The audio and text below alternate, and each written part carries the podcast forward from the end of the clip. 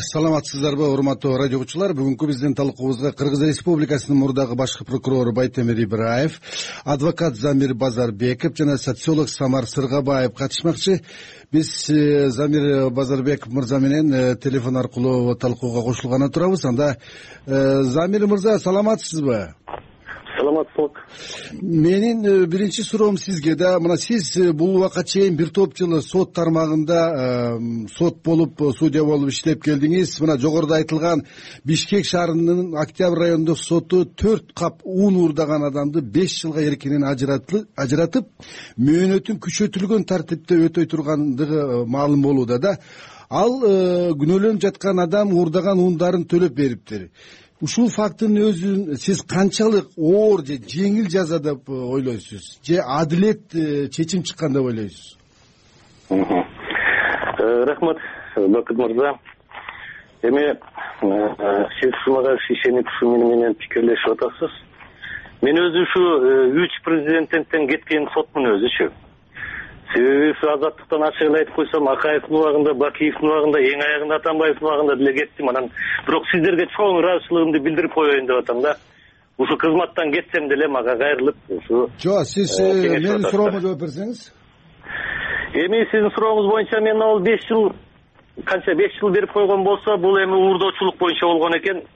Э, бул үчүнчү бөлүгүндө ушул оор кылмыштардын катарына кирет үч жылдан беш жылга чейин депчи эгерде деп айтат биздин мыйзамда эгерде ошол э, соттолгон адам мурда соттолгон эмес болсо эгерде анын жеңилдетүүчү жагдайлыгы катары үй бүлөлөрү болсо жанагы үч кап мешок үч кап э, унду кайра кайтарып берген болсо же өндүрүп берген болсо бул жеңилдетүүчү жагдайларга кирет дагы анан беш жылга бергендиги э, сот тарабынан менин пикирим боюнча менин оюмча мыйзамсыз болуп калган деп эсептейм.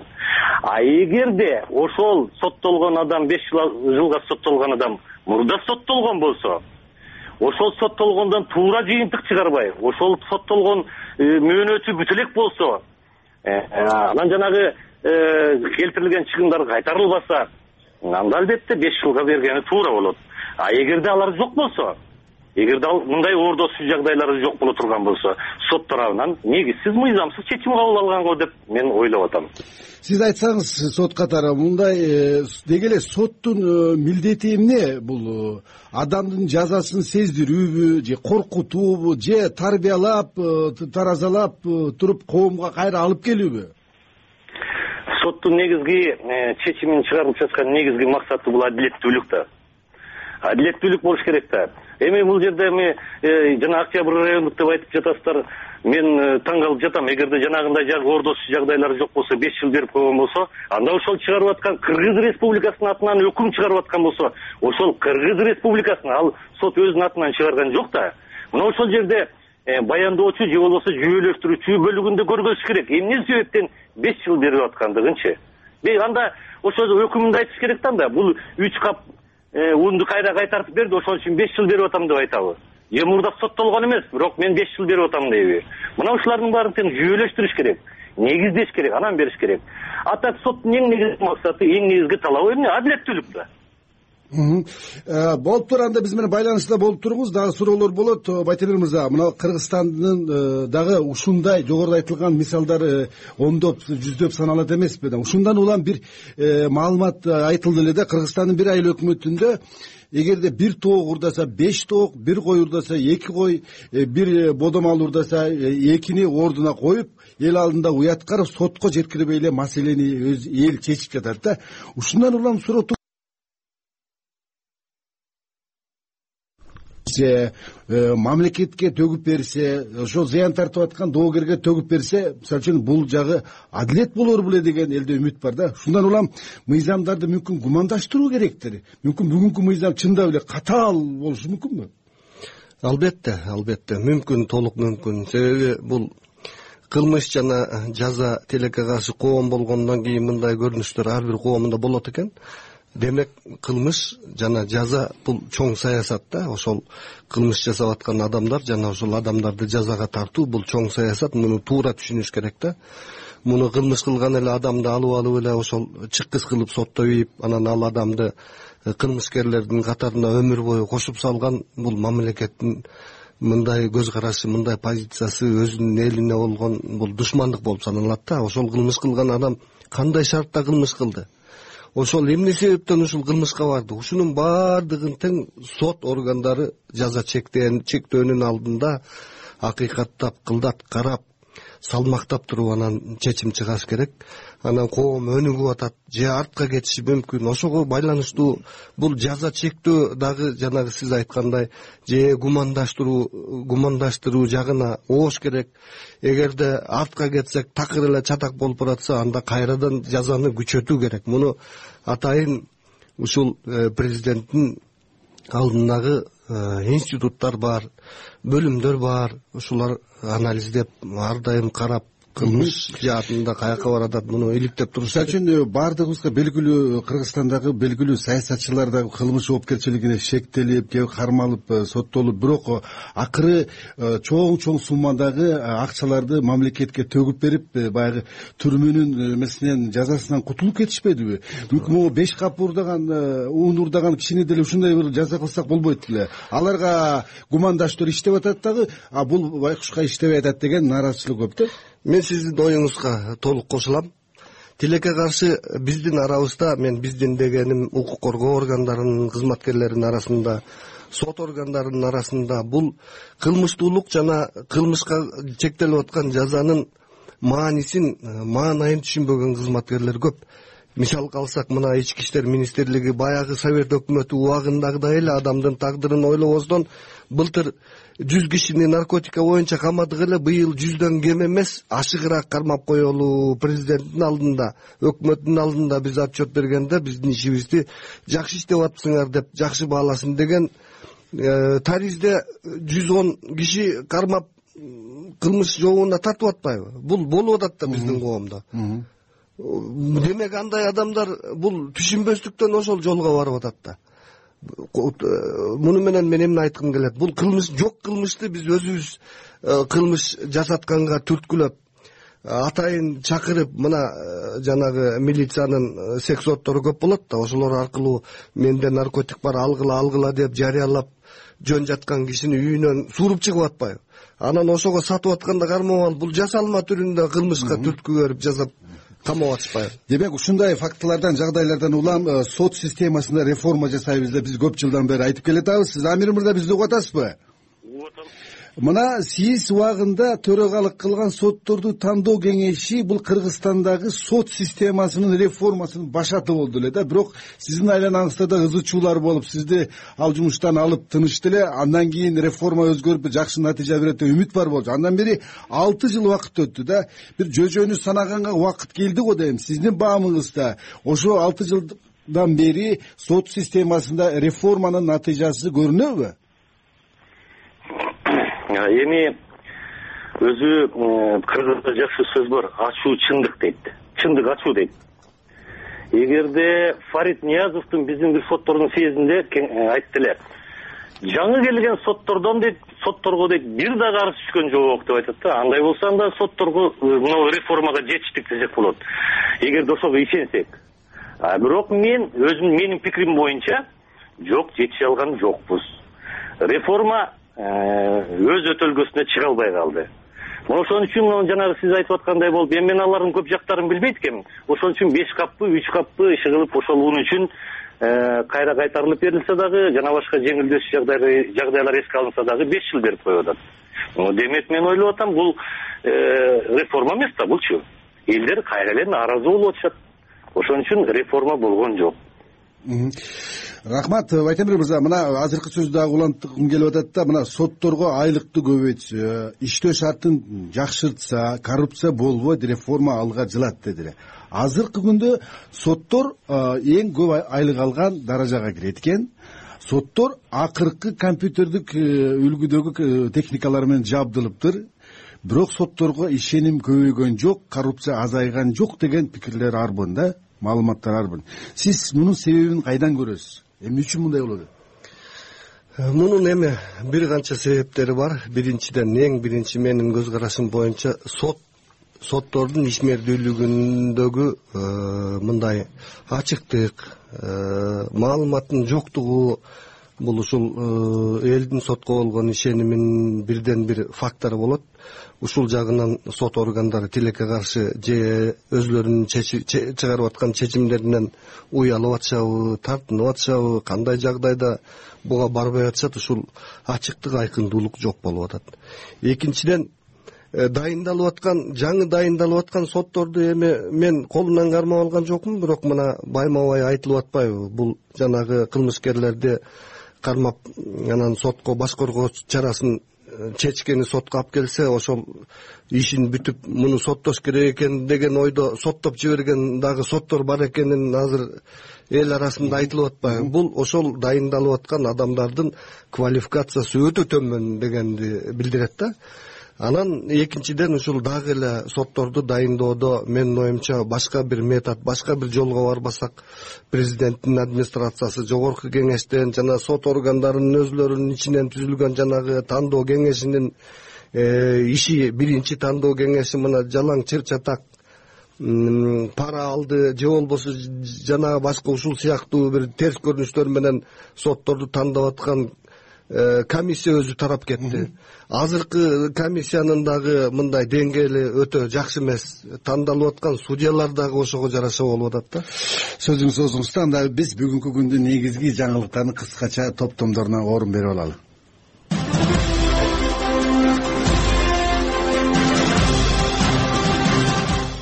Өзбекстандын наманган шаарында кыргыз өзбек чек ара маселе боюнча талкуу жүрүүдө абдумомунов атындагы кыргыз улуттук академиялык драма театрына актер назым мендибаеров директор болуп дайындалды.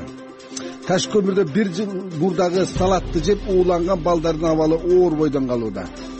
Өзбек тектүү орусиялык миллиардер алишер усманов орусиялык оппозициячыл саясатчы алексей навальныйди сотко берүүгө ниеттенүүдө.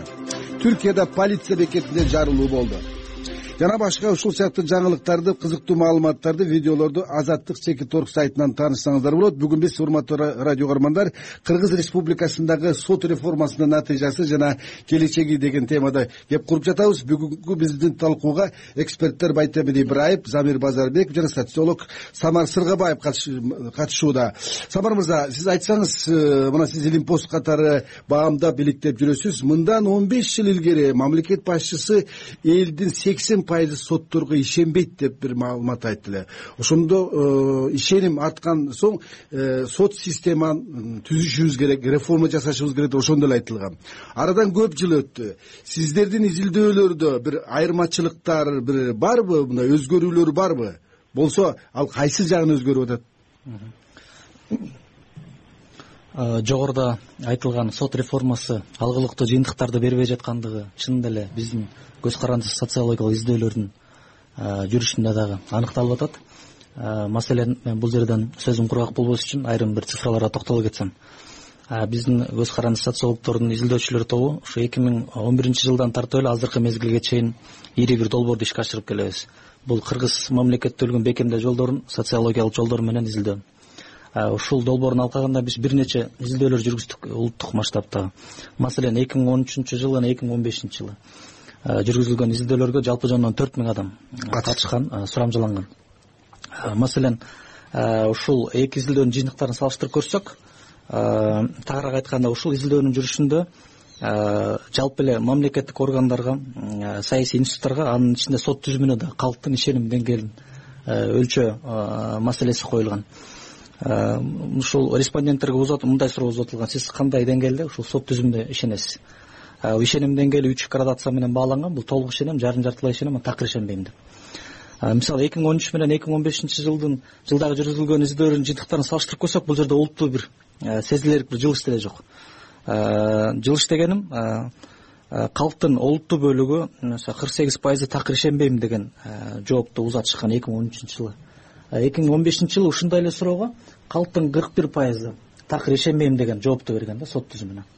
Демек бул эмне жөнүндө кабар берип атат? Бул демек калктын арасында сот түзүмүнө мындай социалдык саясий институт катары мамлекеттик орган катары ишеним деңгээли төмөн экен мындай улуттуу ишеним дефицити бар экендигин кабарлап турат да. Анда биздин э, коомдо коомдун кайсы институттарына мындай ишеним мындай өзгөрүү барбы мындай кайсы бийликтин бутагына же э, башка тармактарга?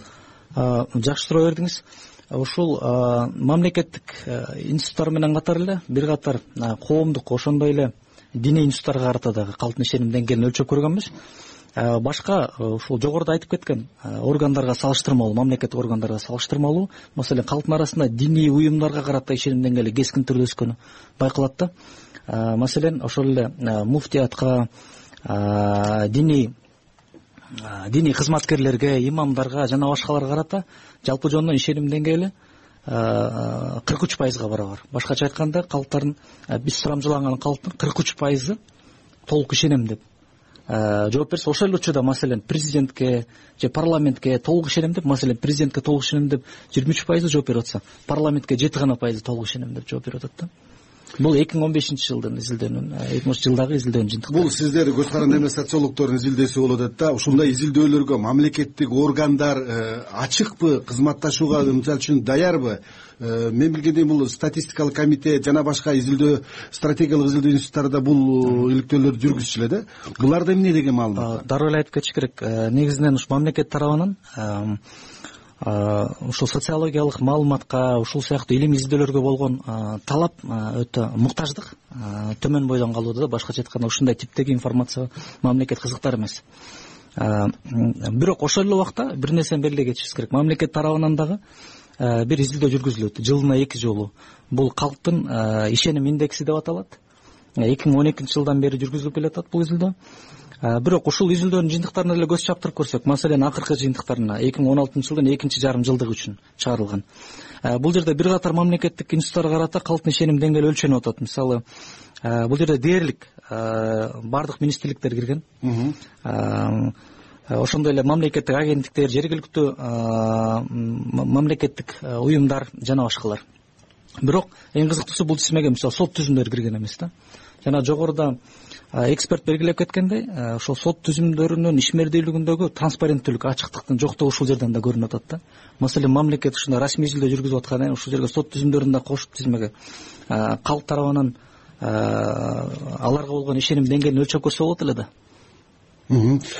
демек бул ишеним э, жагы дагы төмөн болуп атат. Э, дагы бир нерсе байтемир мырза э, замир мырза сиз экөөңүздөргө тең бирдей эле суроо да бул реформанын жүрбөй жатышынын негизги себеби бул сот органдарынын сот системасынын көз карандылыкта калышы деп атат да. Биринчиден өзүнөн жогорку турган бийлик органдарына көз каранды дейт. Экинчиден акча берген тарапка көз каранды деп атат да. Кыргызстанда кантип сот системасын сот бийлигин биз көз карандылыкка жетише алабыз. Кандай жол менен кандай э, аракеттер менен? Байтемир мырза менин оюмча эми бул э, биз азыр биздин мамлекетте парламенттик башкаруу системасында жашап атпайбызбы мыйзам жүзүндө. Мындай алганда жашоо жүзүндө тескерисинче парламент өзүнүн ыйгарым укуктарын аткара албай биз президенттик башкаруу системасында жашап атабыз демек ошол парламент түзгөн башка коомдук уюмдар түзгөн сотторду тандоо кеңеши парламент өзү актап атса алар түзгөн уюмдар эмне үчүн актабаш керек? Алар да акташ керек да. Алар дагы бир бутуна аксап атат. Ошол себептен азыркы учурда сот бийлиги бул биздин үчүнчү бийликтин бутагы сот чечкенден кийин анын чечимин эч ким талкуулабаш керек аткарыш керек. Демек соттун колу менен көп маселелерди чечсе болот да тоскоол болгон адамды э, соттун колу менен соттотуп салса болот керектүү буюмду алып койсо болот соттун чечими менен жанагы мыйзамдаштырылган коррупция деген бизде байма бай айтылып аткан түшүнүк бар да мыйзамдаштырылган коррупция деген ошол. Бирөөнүн мүлкүн тартып алгыңыз келсе сотко берсеңиз сот ошону мыйзамдаштырып туруп сизге алып берип коет. Бул демек ушул биздин азыркы Э, бийлик тармактарына э, көз каранды сот керек болуп атат окшойт деген мен жыйынтыкка э, келем биз көз карандылыкка жетишиш үчүн сотторду дайындоо эмес эл аркылуу шайлоо жолу болгонго гана ошондой ийгиликке натыйжага жетише алабыз туура кантип жетишсек болот? Ага эмне тоскоол болуп атат анда эми ага саясий эрк тоскоол болуп атат. Ушунча жылдан бери биз жыйырма канча жылдан бери ушу жыйырма алты жыл жыйырма алты жылдан бери мындай көз карандысыз мындай жакшы сот болсо экен деп эле тилеп коебуз дагы иш жүзүнө келгенде эч нерсе кылбай атабыз да. Ошондуктан сотторго мүмкүнчүлүк бериш керек. Шайлансын эл шайласын анда. Ошондо балким көз каранды соттор пайда болот. Ошондо жанагы американын президентинин чечимин жок кылып атпайбы сот? Ошондой э, кыргызстанда деңгээлге жетиши мүмкүн. Замир мырза бизди угуп атасызбы? Угуп атабыз. Кыскараак э, сиздин да пикириңизди уксак канткенде биз сотторду көз каранды кыла алабыз. Сотторду эми ушул ушундай суроолор өтө татаал суроо да өзү мен жана байтемирдин айтып атканына кошулам конечно албетте кошулам. Э, бирок э, ушунун байтемирдин сөзүнө э, айтып кошулуп мен айтат элем да булактын көзүн этегинен эмес башынан башташ керек болуп атпайбы парламент дейбизби президент дейбизби соттордун ишине кийлигишпесин да жок азыр соттор менен азыр президент да айтат мен кийлигишкен жок. Соттор өздөрү чечип атат деп атат. Сиз замир мырза сиз депутаттар да айтат биз кийлигишкен жокпуз соттор чечип атат деп. Ошон үчүн мен кайсы бир өзүмдүн бир макаламда бир гезитке чыгардым эле. Соттордун абийири соттордун элдин алдындагы ишеними бул кайра эле дагы бир жолу кайталайм. Коркпой эле тайманбай эле адилеттүү чечимди кабыл алыш керек.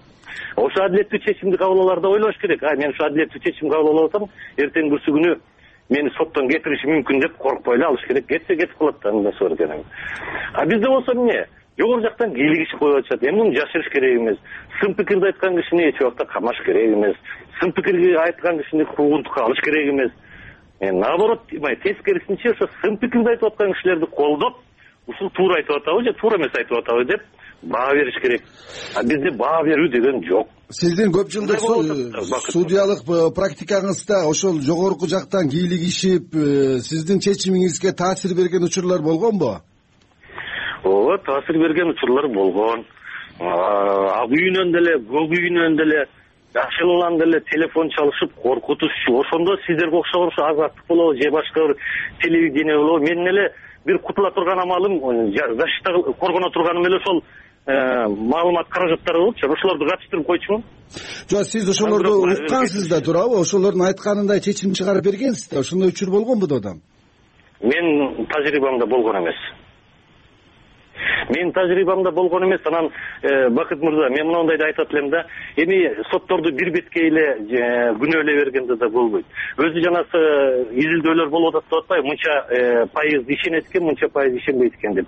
Жөнөкөй эле бир мисал келтирели мисалы бир эле сот беш жүз иш карасын ошо беш жүз иш карагандын канчасы сотко ишенбейт экен. А канчасы сотко ишенет экен. Эми мындай э, грубый айтканда одон айтканда уткан тарап анан уткан тарап болот да. Анан бул жерде баягы кыз болсо энесин коркутат болуп кээ бири баягы мыйзамдын негизинде утулуп калышып деле анан сотту беришет бир бетке. Эле андай болбой калат да. Соттордо дагы адилеттүү чечим чыгарып аткан соттор бар. Э, ошого дагы нааразы болуп ошону дагы э, негизсиз эле жамандап президентине анан тиги депутаттарына жамандап анан куугунтуктагандар болуп атпайбы ушундай окуялар мындан он беш жыл мурда деле сотторго ишеним көп болгон экен азыр деле ошол акыбал өзгөрбөй атпайбы дагы ишенбегендер эле көп боюнча калып атпайбы. Анын себебин сиз кайдан көрөсүз анда?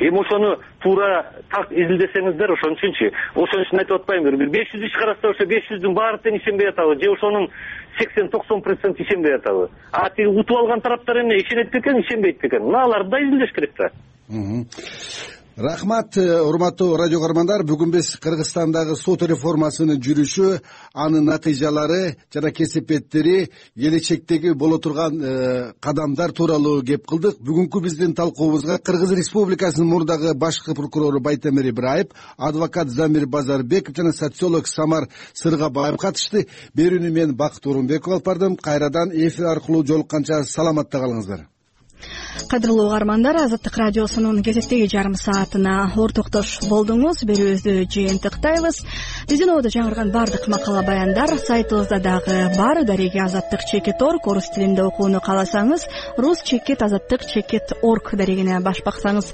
болот. Прагадагы студияда мен элиза кененбаева болдум. Сак саламатта калыңыз